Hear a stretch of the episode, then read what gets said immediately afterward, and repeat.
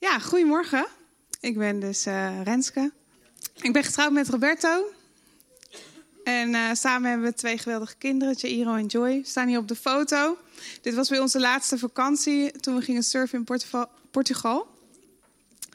Uh, ik heb daar een paar weken geleden ook een keer hier vooraan wat over verteld. En het was wel grappig, want toen merkten we dat in gesprekken daarna mensen dachten dat wij echt super sportief waren. En uh, nou houden we op zich wel van sport. Maar ik dacht, ik moet het vandaag wel even rechtzetten. Want um, we zien het, het, ziet er bij ons thuis ook vaak zo uit. Dus. Uh...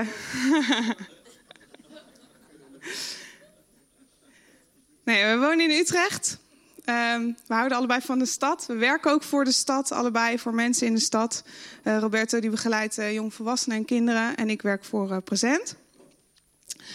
Um, omdat het wel goed is om in beweging te zijn en niet uh, continu zo erbij te liggen, wilde ik jullie even vragen om uh, op te staan, in beweging te komen.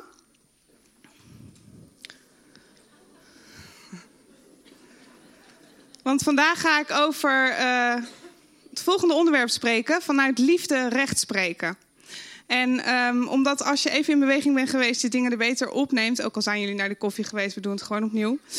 Um, en bewegen gezond is, dacht ik, nou, jullie gaan ook even ervaren hoe fijn het is als iemand goede woorden over je uitspreekt. Dus ik wil jullie vragen om bij de persoon naast je of degene die voor je staat even een hand op de schouder te leggen. Zoek even iemand in je omgeving. Ja.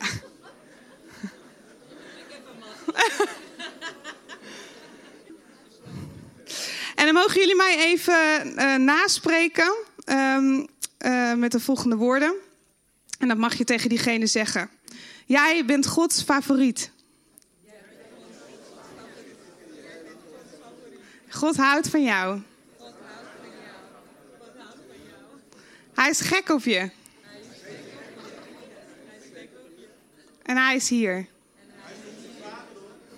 Ontvang zijn vrede. Oké, mogen jullie lekker zitten. Dan heb je die maar weer in de pocket. Um, ja, wat is dit? Een banaan. Thanks. Is die recht of is die krom? Recht. Oké. Nou ja, vandaag wil ik het dus met jullie hebben over recht spreken. En uh, voordat de helft van jullie uh, afhaakt, omdat je geen advocaat bent of omdat je niet opkomt uh, voor recht middels je werk, daar, die kant gaan we vandaag niet op. Ik wil graag recht vanuit een ander gezichtspunt bekijken. recht waar het krom is. En met jullie samen wil ik ontdekken over recht en hoe wij zelf recht kunnen spreken. Ook zonder dat je je de beroep ervan maakt of zonder dat je mensen veroordeelt.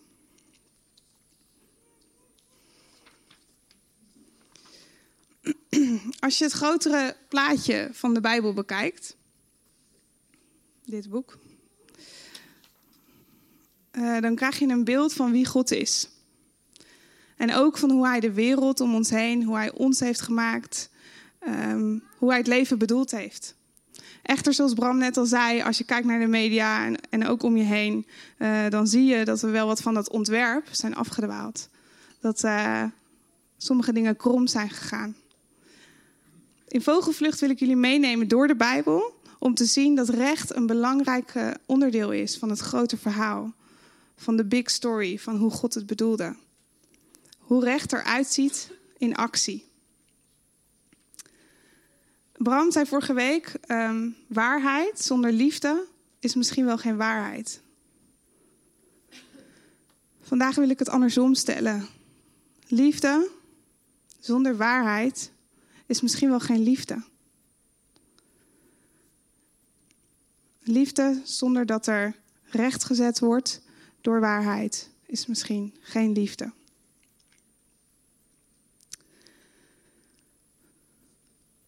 Ja, wacht even. In de eerste boek van het Oude Testament, dat is het begin van de Bijbel, lees je over het ontwerp van God. Uh, in Genesis 1 zie je uh, dat God een goede God, de wereld tot leven spreekt. Uh, in vers 27 en 31 zie je dat hij ons maakt, lijkend op hem, precies naar zijn beeld. En in vers 31 zie je dat hij ontzettend tevreden en trots daarop is dat het zo mooi is geworden. Dan daarna volgt de tijd van de rechters en de koningen, waar recht een belangrijk thema is. En vervolgens in de psalmen leer je Gods hart ook goed kennen. Je leest hoe hij opkomt voor de armen, voor de onderdrukten, voor de mensen die aan de rand van de samenleving staan, die geen stem hebben. En David weet dat, want hij kent God. En in bijvoorbeeld Psalm 3, maar er zijn meer voorbeelden, lees je dat hij God vertrouwt. Want in, dan zit hij in een situatie waarin hij wordt achtervolgd door zijn eigen zoon. En uh, waar hij heel veel vijanden heeft ook. Hoe krom is dat? Moet je je voorstellen dat je achtervolgd wordt door je eigen zoon. Maar wat zegt David? Hij spreekt uit wat hij gelooft. Dat God hem beschermt. Dat God antwoordt als hij roept. Dat hij rustig kan slapen, ook al is hij op de vlucht. Dat God hem zal redden.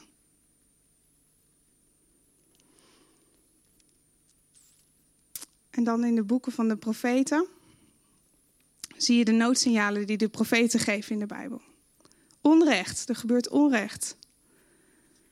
En God spreekt door zijn profeten over hoe hij weer recht wil zetten. Over hoe alles weer in lijn kan komen, passend bij Gods ontwerp. En meer dan dat, de profeten horen van God ook al over een redder. En daar spreken ze over, ook al is die er nog lang niet. Ze spreken over degene die ons komt, die komt om ons te verlossen van krom. En dan gaan we naar het Nieuwe Testament. En dan lezen we daar hoe Jezus naar de wereld komt. Uit liefde voor ons. In Marcus 1. En als Jezus opgegroeid is. En vlak voordat hij aan zijn missie begint hier. Gaat hij naar de woestijn. En daarna komt hij uit de woestijn. En dat is de start van zijn missie. En hij kondigt dat zelf aan. En hij zegt: De tijd is vervuld. Het koninkrijk van God is dichtbij gekomen. Je kan het eigenlijk ook zo vertalen. Het koninkrijk van God is binnen handbereik. Dus Jezus spreekt en hij demonstreert dat dat koninkrijk binnen handbereik is. Je kan het eigenlijk vastpakken. En dat is hoe het koninkrijk van God is bedoeld. Hoe God het oorspronkelijke ontwerp had gemaakt. Hij herstelt dat weer. En overal waar we dat koninkrijk zien doorbreken, of het nou toen was in de Bijbel of dat het nu is, daar zie je herstel, daar zie je genezing. En dan zet God de dingen recht. En zelfs in zijn sterven van Jezus zien we dat, wat het einde lijkt, wat eigenlijk heel krom is, dat hij aan het kruis wordt gehangen, is uiteindelijk de overwinning, is recht.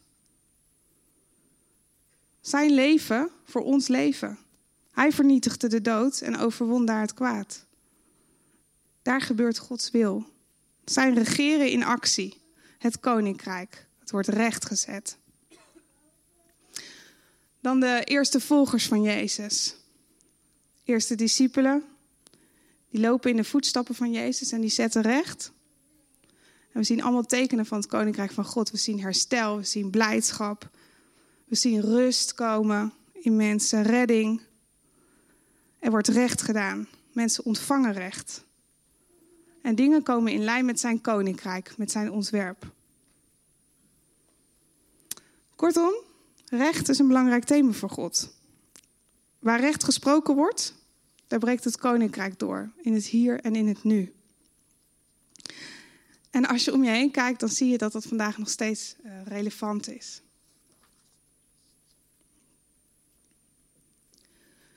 We zijn vaak geneigd, of in ieder geval ik ben vaak geneigd om uh, recht te bekijken als iets wat in de rechtszaal thuis hoort. Of ik gebruik, het als een begrip om uh, onrecht op de kaart te zetten of uh, bespreekbaar te maken.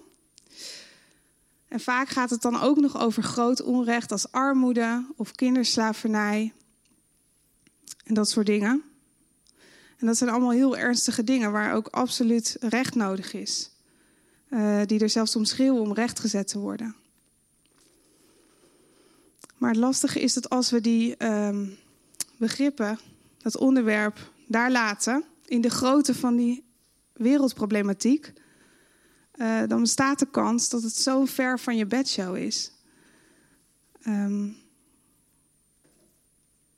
en misschien wel blijft. Ik heb de indruk dat God vandaag dichter bij ons wil komen. Uh, ons wil laten zien dat recht, net als onrecht, ook iets van heel dichtbij kan zijn.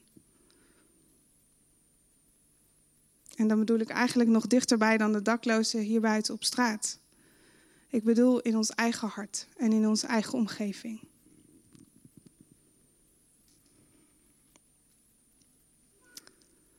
Ja, de ontwerper. God, onze ontwerper, heeft een hart wat overstroomt van liefde voor jou. Speciaal voor jou. En vanuit die liefde wil hij het aller, allerbeste voor jou. En dat betekent dat hij er niet tegen kan waar de dingen krom zijn. Want ze passen niet bij dat prachtige ontwerp. Ze verhinderen eigenlijk dat jij het aller, allerbeste van God ontvangt. In de Bijbel zie je de grote story van Gods liefde voor ons. Maar los van die grote story uh, vertellen woorden ook een verhaal. Um, en die woorden die lezen we in de Bijbel.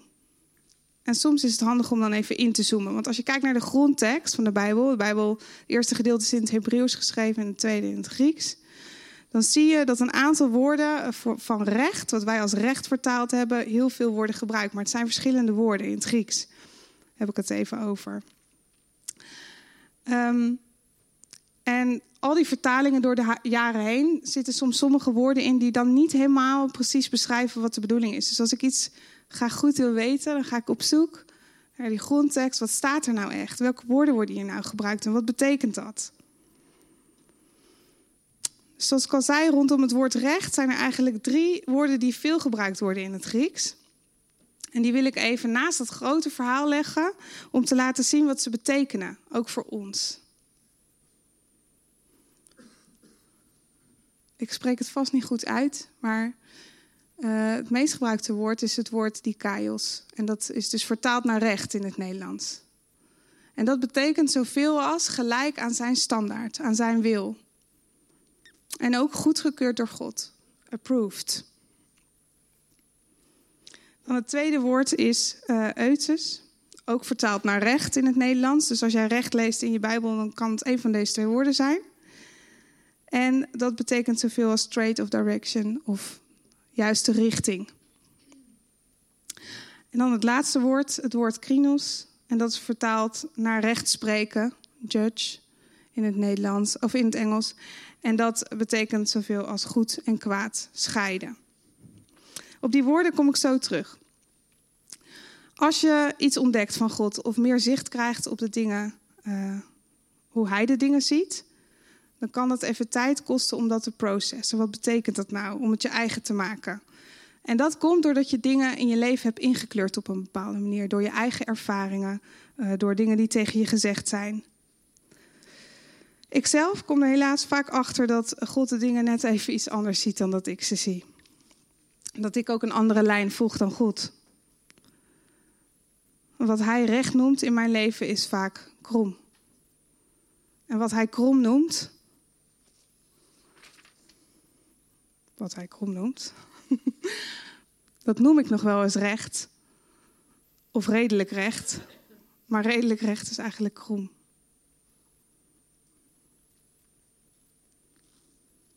En dat is eigenlijk net als met die uh, banaan.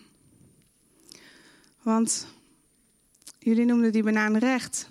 Maar een banaan hoort niet recht te zijn. Een banaan hoort krom te zijn. Want dat is het ontwerp. En wij kweken die bananen recht, omdat we dan meer in een doos kunnen proppen, zodat we er meer aan kunnen verdienen. Maar dat is natuurlijk niet de bedoeling. Zo is hij niet gemaakt. Dus een, um, eigenlijk is die linker krom en de rechter recht.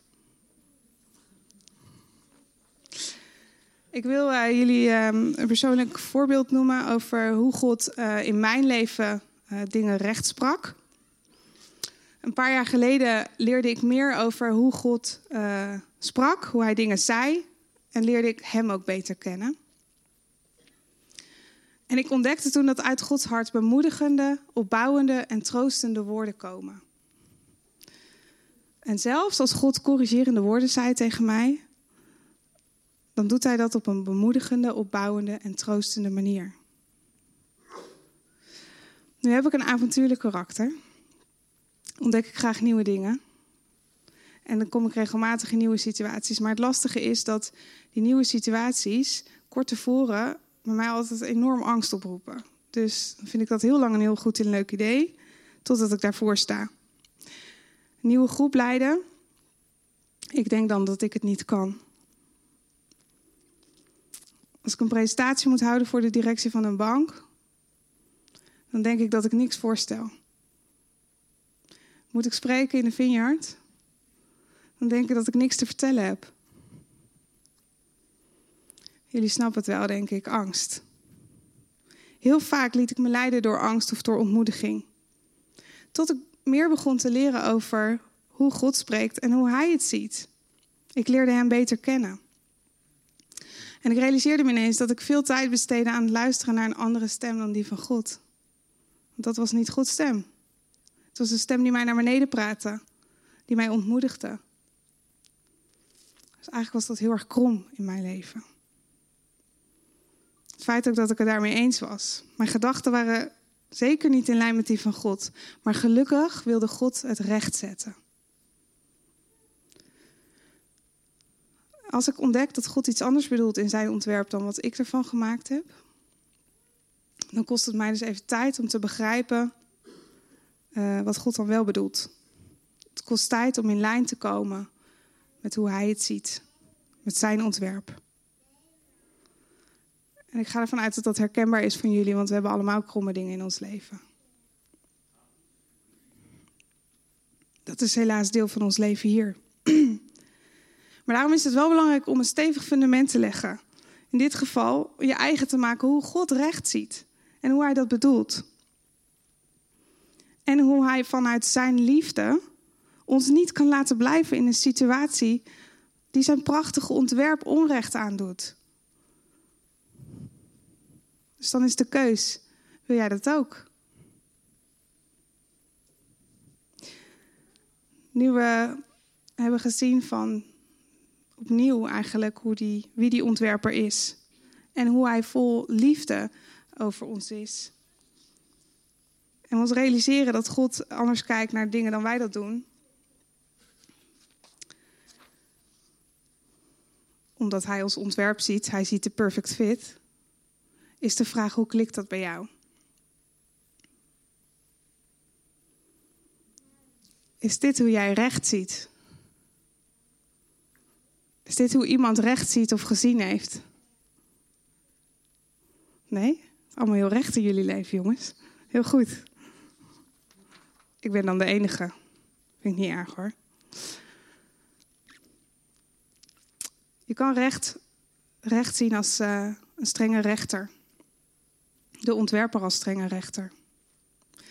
Maar dan wil ik jullie even meenemen naar die drie Griekse woorden in de Bijbel. Die we, uh, veel gebruikt worden voor recht of rechtspreken.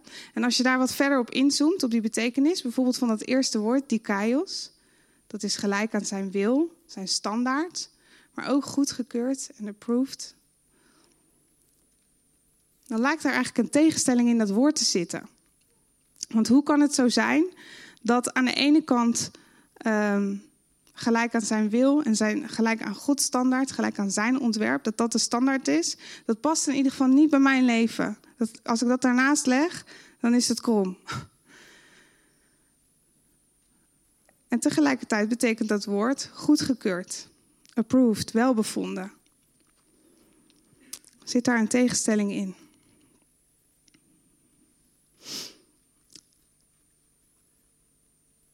Ja, er zit een tegenstelling in, maar die is overbrugd. Dus als je vraagtekens hebt bij dat woord in jouw leven, of het recht is, heb ik goed nieuws voor je. Want ook al is het hartstikke krom, Jezus heeft het recht gemaakt. Want God is niet een God die ons beoordeelt en veroordeelt over elke afwijking op zijn wil, op de standaard, op wat goed voor onszelf is, op wat krom is. Maar door het sterven van Jezus en daarna opstaan uit de dood, zijn wij rechtvaardig verklaard voor God. En dat staat in 2 Korinthe 5, vers 21. Degene die geen zonde gekend heeft, Jezus dus is dat, heeft Hij voor ons zonde gemaakt, zodat wij de rechtvaardigheid van God in Hem konden worden. En rechtvaardigheid is diakosine, dus dat is van het woord afgeleid. Dia, dikaios. Met andere woorden, dat woord dikaios is zowel de standaard als de uitweg. Door die actie van Jezus hebben wij Gods goedkeuring. Approved. We zijn welbevonden in zijn ogen. En vanaf het moment dat we zeggen: Oké, Jezus, dat wil ik aannemen. Ik wil u volgen, ik bekeer me, ik keer me om. Geldt dat voor jou?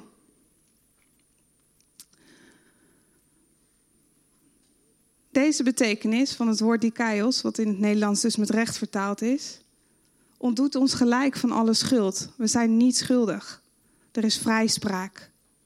Approved. En God noemt dat rechtvaardig. Dat woord is veruit het meest gebruikte woord waar je het woord recht leest in jouw Bijbel. Dus de volgende keer dat je recht leest, bedenk dan dat dit de lading is van dat woord. Dat jij rechtvaardig bent door wat Jezus heeft gedaan. Dat dat, dat, is hoe God je ziet. Kom ik bij het volgende woord. Want in andere teksten wordt er een ander Grieks woord gebruikt voor uh, recht. En dat is eutus, straight of direction. En toen ik daarover nadacht, moest ik aan het volgende plaatje denken. De mensen die wat langer in de vineyard komen, die kennen dat misschien wel. Ik heb het zelf getekend. dat is niet mijn sterkste kant. Um, maar het zijn eigenlijk twee modellen voor hoe organisaties of soms kerken zich uh, organiseren.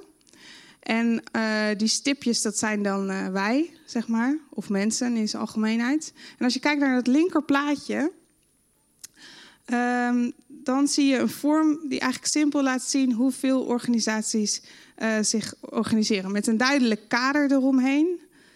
Um, en je ziet mensen die daar binnen staan of die daar buiten staan. Dus je hoort erbij of je hoort er niet bij. You're either in or you're out. Um, je bent er deel van of je staat er buiten. En de vraag is, is dat recht? Of doet dat recht? Wij in de die denken daar wat anders over. We herkennen ons in het rechterplaatje. In het midden heb ik geprobeerd om een kruis te tekenen. Omdat wij geloven dat Jezus het middelpunt is van alles. Alles draait om Hem. Hij is het middelpunt van ons leven, van de kerk, van de wereld. En wij, die zwarte stipjes, wij bewegen ten opzichte van Hem een bepaalde kant op. Wij verhouden ons op een bepaalde manier tot Hem. En het maakt niet zoveel uit waar je staat. Dat is niet zo belangrijk. De een heeft misschien al een intieme vriendschap met hem opgebouwd. De ander die leert hem net kennen. Maar waar het eigenlijk om gaat, is welke richting je op beweegt. Beweeg jij naar Jezus toe? Of kies je ervoor om een andere kant op te gaan? Ben je onderweg naar Hem, naar je einddoel? Of ga je een andere richting op? Op een dag maak je een keuze. Je keert je om en je gaat de richting van Jezus op. En dat is een heel belangrijk moment. Maar gelukkig stopt het daar niet bij. Want dat is het begin van je reis en je doel is Jezus, maar de weg is ook belangrijk. In de Bijbel zie je een heel pijnlijk voorbeeld, want dit gaat eigenlijk over dat woord uit, dus over welke kant je op beweegt, welke richting je op gaat. In Handelingen 8 zie je daar het verhaal van een tovenaar, Simon. En die was in die plaats waar hij woonde, was hij heel belangrijk. Iedereen keek tegen hem op, omdat hij zoveel wonderen deed. Totdat Filippus kwam en mensen in Jezus gingen geloven. En ook Jezus, of Simon was gaan geloven. Hij was Jezus gaan volgen, had zich gedoopt. En daarna bleef hij dicht in de buurt van Filippus, omdat hij zo geïntrigeerd was door de wonderen die hij deed. Hij wilde die allemaal zien, meemaken. En toen kwamen Petrus en Johannes er ook bij. Die kwamen ook naar het dorp toe en die legden de mensen de handen op om uh, hen te vullen met de Heilige Geest. Dat wilde Simon zo graag. Dus hij zei tegen Petrus: Ik wil die macht van jullie kopen, ik wil dat ook. En Petrus zei: Met jou loopt het slecht af als je denkt dat je dit cadeau van God met geld kunt kopen. Je hebt hier helemaal niks mee te maken, want je hart is niet eerlijk voor God. En wat er eigenlijk staat, het woord wat daar gebruikt wordt, is eutus. Je hart staat niet in de juiste richting. God heeft recht gezet door te zeggen: Jij hebt mijn goedkeuring, bij voorbaat al. Door Jezus approved. Als je hier zit, dan kies je er waarschijnlijk voor om Jezus te volgen, in de juiste richting te gaan. Jaren geleden, uh, meer dan 15 jaar geleden, toen leerde ik Jezus kennen. En toen ging ik naar een conferentie voor de eerste keer. En tijdens die conferentie gingen we in kleine groepjes en zaten we in een kring. En toen maakte ik voor het eerst kennis met een God die sprak door anderen. Dat was voor mij nieuw, mysterieus. God die zijn hart openbaarde via mensen persoonlijk. Ik dacht echt, wat gebeurt hier? Heeft God iets tegen mij te zeggen? Iets wat me blijkbaar ook raakt zonder dat ik dat zou denken. De God van hemel en aarde die tegen mij praat. En het volgende moment, wat ik me goed herinner, toen waren Roberto en ik nog niet zo lang eh, deel hier van de Vineyard. dan gingen we naar een kring. En ook daar gingen we luisteren naar God. Inmiddels had ik al wel gezien dat dat uh, wel vaker gebeurt. Maar in mijn beleving hoorde ik God nog steeds sporadisch dingen tegen mij zeggen. En een van mijn uh, kringcollega's, we waren aan het oefenen, die zei van, nou een beetje vreemd, maar ik ga toch maar uh, delen met je. Ik heb uh, indruk dat God iets tegen je wil zeggen. En dan zei ik, moet denken aan het liedje, kinderliedje ehm, Roodkap, van Roodkapje. Wees niet bang voor de wilde dieren in het bos, in het bos. En opnieuw was het alsof ik de rest van de avond in een waas hoorde. Want ik dacht, hoe kan dit? Niemand wist dat ik bang was, dacht ik. En niemand wist dat ik van kinds af aan al bang was in het donker. wat moest ik met dit liedje? Dacht ik ook. Maar de weken daarna uh, dacht ik daarover na, koude ik daarop en werd me helder dat God mij zag. Dat hij het wist en ook dat hij heel voorzichtig zei: Hé, hey, je hoeft niet bang te zijn.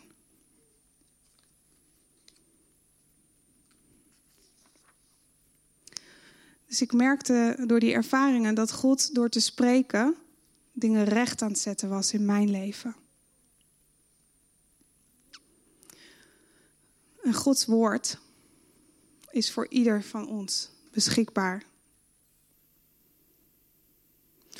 Je hebt aan de ene kant ook daar weer twee Griekse woorden overigens, maar zijn woord, zijn logos, dat is zijn plan en zijn ontwerp wat vaststaat, wat hij gesproken heeft en wat je in de Bijbel, waar je in de Bijbel alles over kan lezen, ook al gaat het ons begrip ver te boven. En aan de andere kant heb je zijn woord, het rema. Wij kunnen niet leven zonder de Heilige Geest, die op Gods tijd een deel van dat logos woord tot leven wekt. Het rema-woord, een gesproken woord. Passend in het grote plan, het logos, maar persoonlijk voor jou. Specifiek, speciaal op dat moment.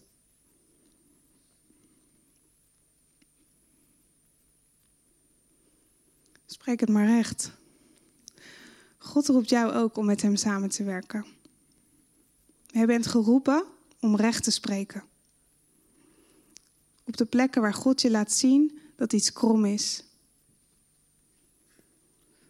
En dat wordt goed beschreven door het laatste woord, wat met recht spreken is vertaald in de Bijbel, krinos. En dat betekent goed en kwaad van elkaar scheiden. Dat betekent niet recht praten zoals wij dat kennen in de Nederlandse cultuur, wat krom is. Dat betekent dat je luistert naar wat God zegt en dat je dat uitspreekt. Of het nou over je eigen hart gaat, of over situaties, of over andere mensen.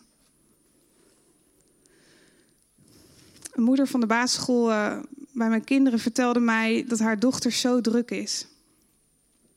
Dat de school het zo moeilijk vond om met haar om te gaan. Dat ze niet goed mee kon komen, niet goed kon leren. En dat ze daar steeds met haar over wilde praten. En toen zei ze: Ik snap het ook wel, want ze is ook erg lastig en druk. En op dat moment voelde ik iets van weerstand van binnen. Alsof er iets opborrelde van: hé, hey, dit klopt niet. Wat er nu wordt uitgesproken over haar doet haar geen recht. Ik weet niet meer precies wat ik zei, maar iets in de trant van: nou, het lijkt me echt heel lastig als je er alleen voor staat. Maar weet je, jouw dochter heeft volgens mij veel energie. En ik vind dat iets heel moois. En kun jij niet met school kijken of je nou, haar tot haar recht kan laten komen? Maar ik vergeet haar reactie nooit, want ze keek me aan en ik zag haar gewoon fysiek ontspannen.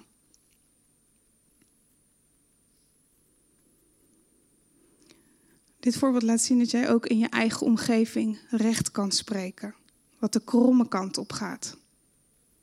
Dat je iets recht kan zetten door wat je zegt. Jij kan scheiden wat goed en kwaad is. Wat wel bij iemands ontwerp hoort en wat niet. Vanuit Gods rema. Wil ik nog even kort samenvatten voordat we naar de tijd van bediening gaan.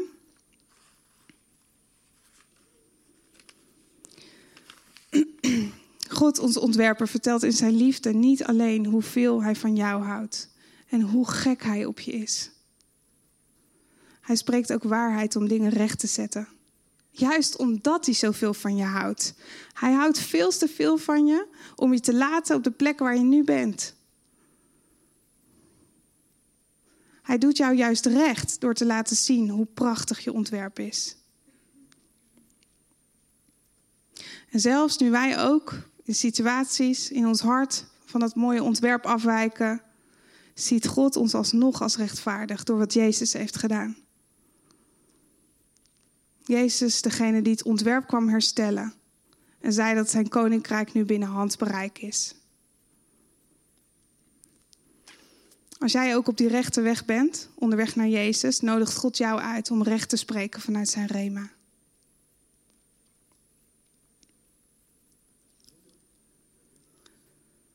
Ga naar de tijd van bediening. Als we voor mensen bidden, spreken we vaak recht.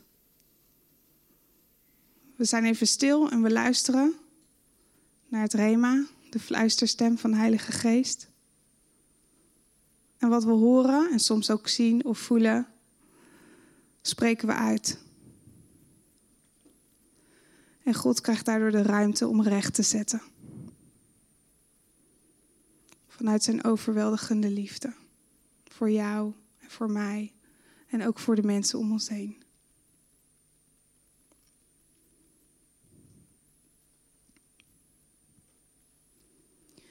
Ik wil jullie vragen om je ogen te sluiten, als je dat wilt. We gaan de Heilige Geest uitnodigen. Hij is er al, maar om opnieuw tot ons te spreken.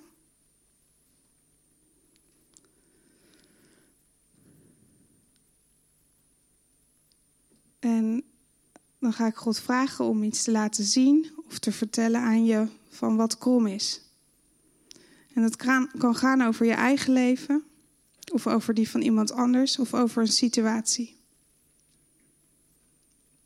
En ik wil je vragen om dat op te schrijven of in je telefoon te zetten. En daarna nemen we de korte ruimte om te luisteren naar wat God daar tegenover wil zetten.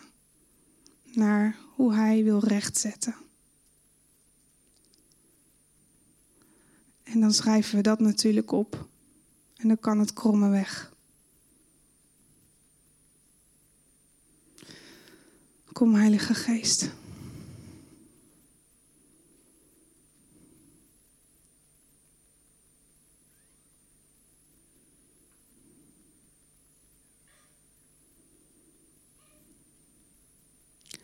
Dank u dat u zo graag uit Gods hart wil openbaren.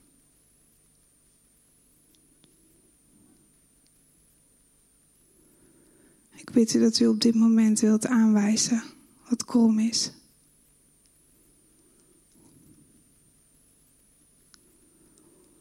Dank u wel dat u tot ieder van ons kan spreken op een manier die wij kunnen ontvangen. Of het nou beelden zijn of woorden. Kom, Heilige Geest. Dingen die God je laat zien, mag je opschrijven of die hij je zegt. En God laat nooit dingen zien om je op die plek te laten.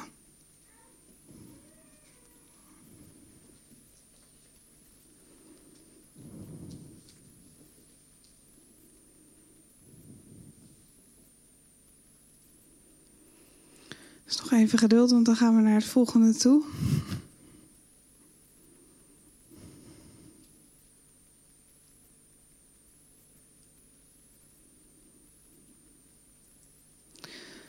Dank u, uh, Heilige Geest, dat u zojuist heeft laten zien of gezegd tegen ons. Of het nou over onszelf ging of over iemand anders. Of over een situatie.